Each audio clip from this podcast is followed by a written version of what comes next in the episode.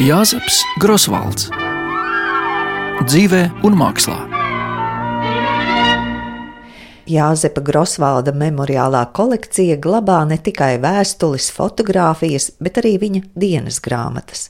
Cik zināms, dienas grāmatas sācis rakstīt 16 gadu vecumā un turpinājis līdz savas dzīves pēdējiem gadam. Bet vispirms palūkosimies plašāk uz dienas grāmatu kā autobiogrāfijas avotu. Es esmu Eva Glāja Kristsone, pārstāvu Latvijas Universitātes Literatūras, Folkloras un Mākslas institūtu.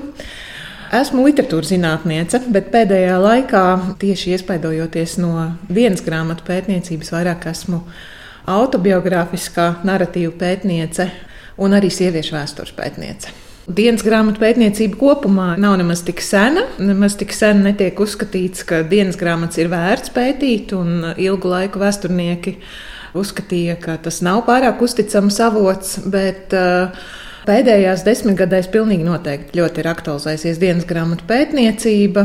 Protams, ka tajā visā ir subjektivitāte, bet tajā pašā laikā dienas grāmatas mums pastāsta tādu informāciju par vēsturi, ko mēs citur nekur neiegūtu. Sveiki, esmu Ieva Kalniča, mākslas vēsturniece, pārstāvu Latvijas Nacionālo mākslas muzeju un esmu arī Jāzepa Grosvalda izstādes kuratore.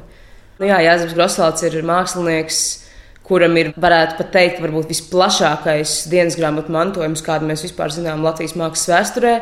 Un līdz ar to nu jā, tas ir tāds neizsmeļams informācijas avots, kurā es nezinu, pat vienu un to pašu dienas grāmatas ierakstu pārlasot no jauna, katru reizi mēs kaut ko varam ieraudzīt tur.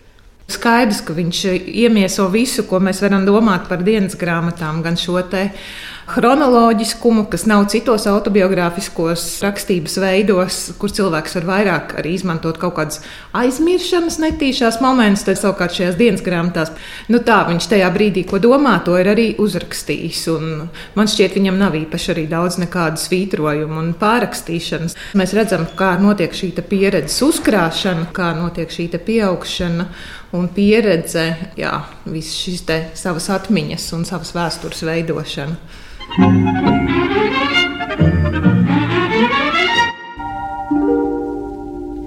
Jāzepa Grosvalda dienas grāmatas ir dažāda izmēra klādes, arī nelielas būtnīcas, cita plānāka, cita biezāka, nobružātas un labāk saglabājušās, uz vāka vienmēr monogramma J.G. Desmit gadu garumā pat vairāk nemitīgi tiek veikti šie ieraksti. Līdz ar to tā informācija tāda ļoti sistemātiska. Tas nav tā, ka, ai, tur atcerējos tagad, vai pēc mēneša, vai kaut kā tā, piemēram, salīdzinot ar uh, māsu, jo arī Jāsapa Grosvalda māsa Margarita rakstīja dienas grāmatu. Kas arī, protams, ir interesants fakts, ka ģimenē ir vairākas. Tā, piemēram, dienas grāmata ir citāda rakstura. Jā, protams, Margarita ir mana mīlīte.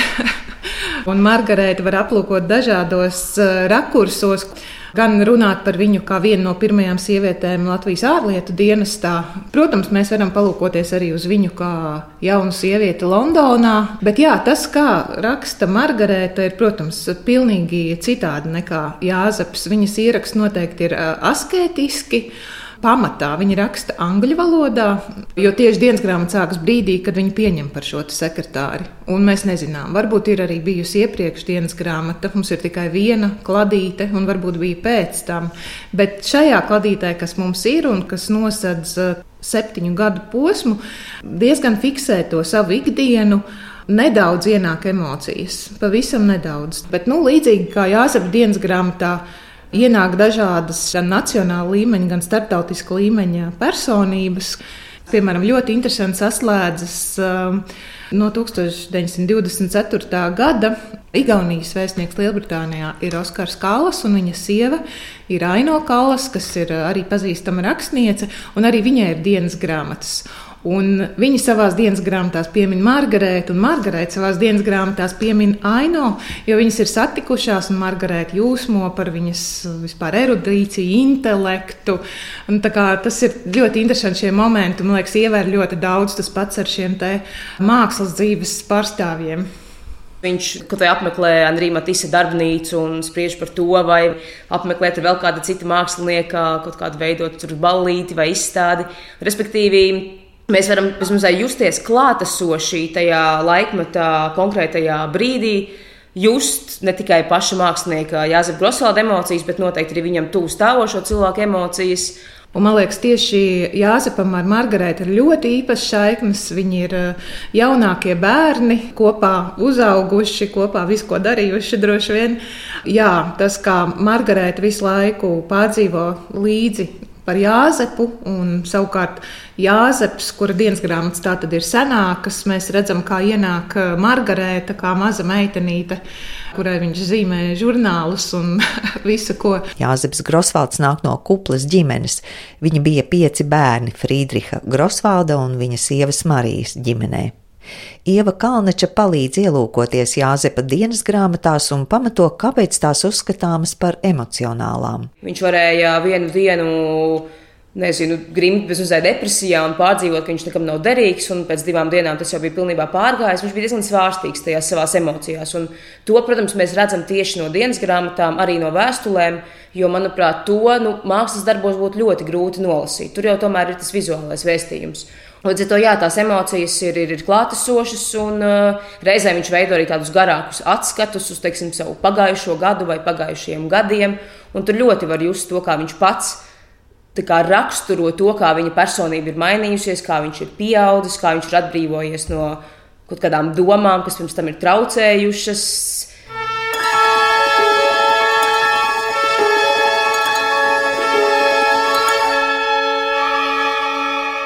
Bet arī ir viens gadījums, kur patiešām var teikt, ka mākslinieks Jānis Grosvalds bija iemīlējies, un tas ir diezgan traģisks stāsts. Viņi abi tur ļoti cieši, un, un, un tie ieraksti ir tādi gari, detalizēti, pilnīgi var izjust tās sarežģītās attiecības. Tas pat arī bija kara laikā reizē.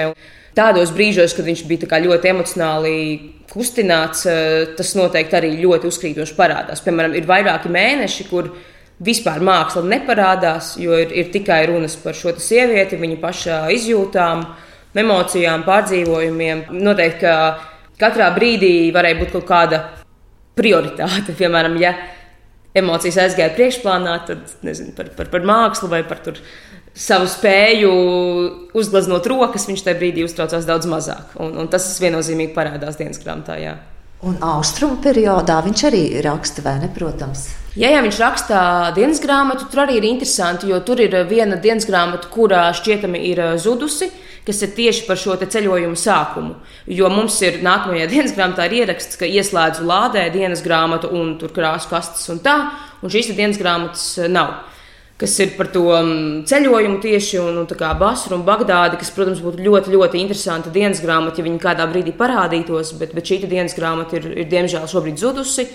Tad par pārējo periodu, visu šo laiku viņš eh, diezgan detalizēti raksta, un tas arī ir interesanti salīdzināt to, kā viņš šo pieredzi apraksta dienas grāmatā, kur mēs ļoti jūtam to, ka tas ir kā, militāras operācijas kontekstā, mēs jūtam dienas grāmatā šos smagos apstākļus kas savukārt eh, daudz citādākā veidā parādās gan mākslas darbos, gan arī Jāzep Grosvalda grāmatā Persijas ainas. Un savukārt eh, austrumu noslēgums ir vēl viena dienas grāmata, kura ir bijusi, jo viņa ir citēta Edvarda Kļaviņa monogrāfijā. Šobrīd mēs viņu meklējam. Eksistējot kserokopija, bet nevar atrast. Nu, tā kā jā, tie ceļi ir ļoti dažādi. Bet nu, nekad jau nevar zināt, jo tieši tā Margarita dienas grāmata neviens nezināja, ka tāda vispār ir. Un, tā uzrādījās. nu, vispār tas stāsts, kā atradās Margarētas dienas grāmata, ir ļoti aizraujošs. Tādu, kā mēs parasti lasām, oh, ja mums tā būtu, mums tā bija. Jā, nu, tur tiešām kā var tā gadīties, ka vienkārši atrod uh, plauktā dienas grāmatu, nesaprotot, kurš to ir rakstījis, jo tur nav nekādas norādes, kas to ir rakstījis, kamēr sāk šķetināt caur to ģimeni, pie kuras tā ir atrasta, un tad saprot. Un tad, jā, tad tā, kas atrada, zināja, ka man interesē šādas lietas un iedeva. Esmu noņēmies tagad dzīvot mākslā. Jāzeps Grosvalds. Mm, Ieva Stūre, esmu Grosvalda izstādes mākslinieca, kā iekārtojuma autora. Tas varbūt bija diezgan liela uzrīkstēšanās, bet mēs ļāvām viņam pašam stāstīt caur savām dienas grāmatām, stāstīt eh, par savu mākslu. Jo viņš dienas grāmatas ir rakstījis visu savu mākslinieku mūžu.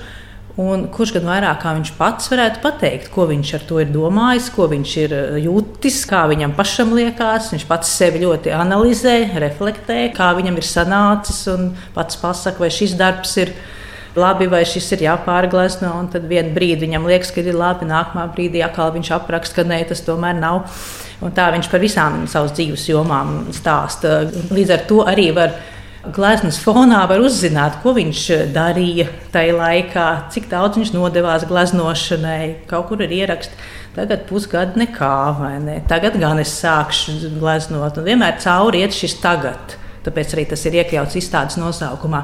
Tagad nu, gan es gleznošu. Viņš aizbrauca uz Parīzi. Nu, nu, viss kaut kas cits notiek, nesanāk. Bet eh, tad viņš uzņem, jā, tagad es esmu uzgleznojis to un to. Tās dienas grāmatas viens ir saturs, bet viņas arī pašas ir ļoti skaistas kā materiāls un tie priekšmeti. Līdz ar to parādās vitrīnās. Viņas var vitrīnās apskatīt to pašu dienas grāmatu kā tādu jau mākslas darbu. Viņam ir skaists rokraksts Viņš ļoti skaisti kompozicionāli izpilda to dienas grāmatas lapu. Viņš nodarbojas, viņš izgriež fotogrāfijas un komentē viņas. Tā tas, tā grāmatiņas pašas ir savu mākslas darbu. Māra Lāce, Latvijas Nacionālā Mākslas muzeja direktore. It kā pētniekiem ir viegli strādāt no vienas puses, ja? viegli strādāt, un ir ļoti liels nu, teiksim, vilinājums izvēlēties tieši un strādāt ar šo te, nu, palīgu materiālu, ar šīm dienas grāmatām un tā tālāk. Ja? Bet no otras puses tas ir arī ļoti komplicēti. Jo mēs nezinām, kam Jāzeps Grosvalds bija adresējis šīs dienas grāmatas, taču sev. Tātad viņa izziņas ceļš, viņa gājiens, mēs strādājam ar ļoti, var teikt, intīmu materiālu. Mums nav šie ierobežojumi, bet mums visu laiku ir jārēķinās, teiksim, kā mēs šo autoru arī teiksim, parādām. Cik tālu mēs parādām viņa vājības.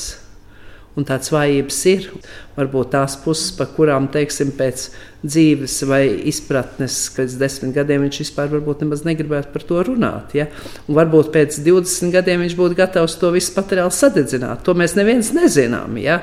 Un līdz ar to mums ir mūzeja darbiniekiem un izstāžu kuratoriem ir ļoti godprātīgi un arī tolerējoši. Ir jāspēj ar to materiālu strādāt un to arī parādīt. Tā es aicinātu arī skatītājs to uztvert.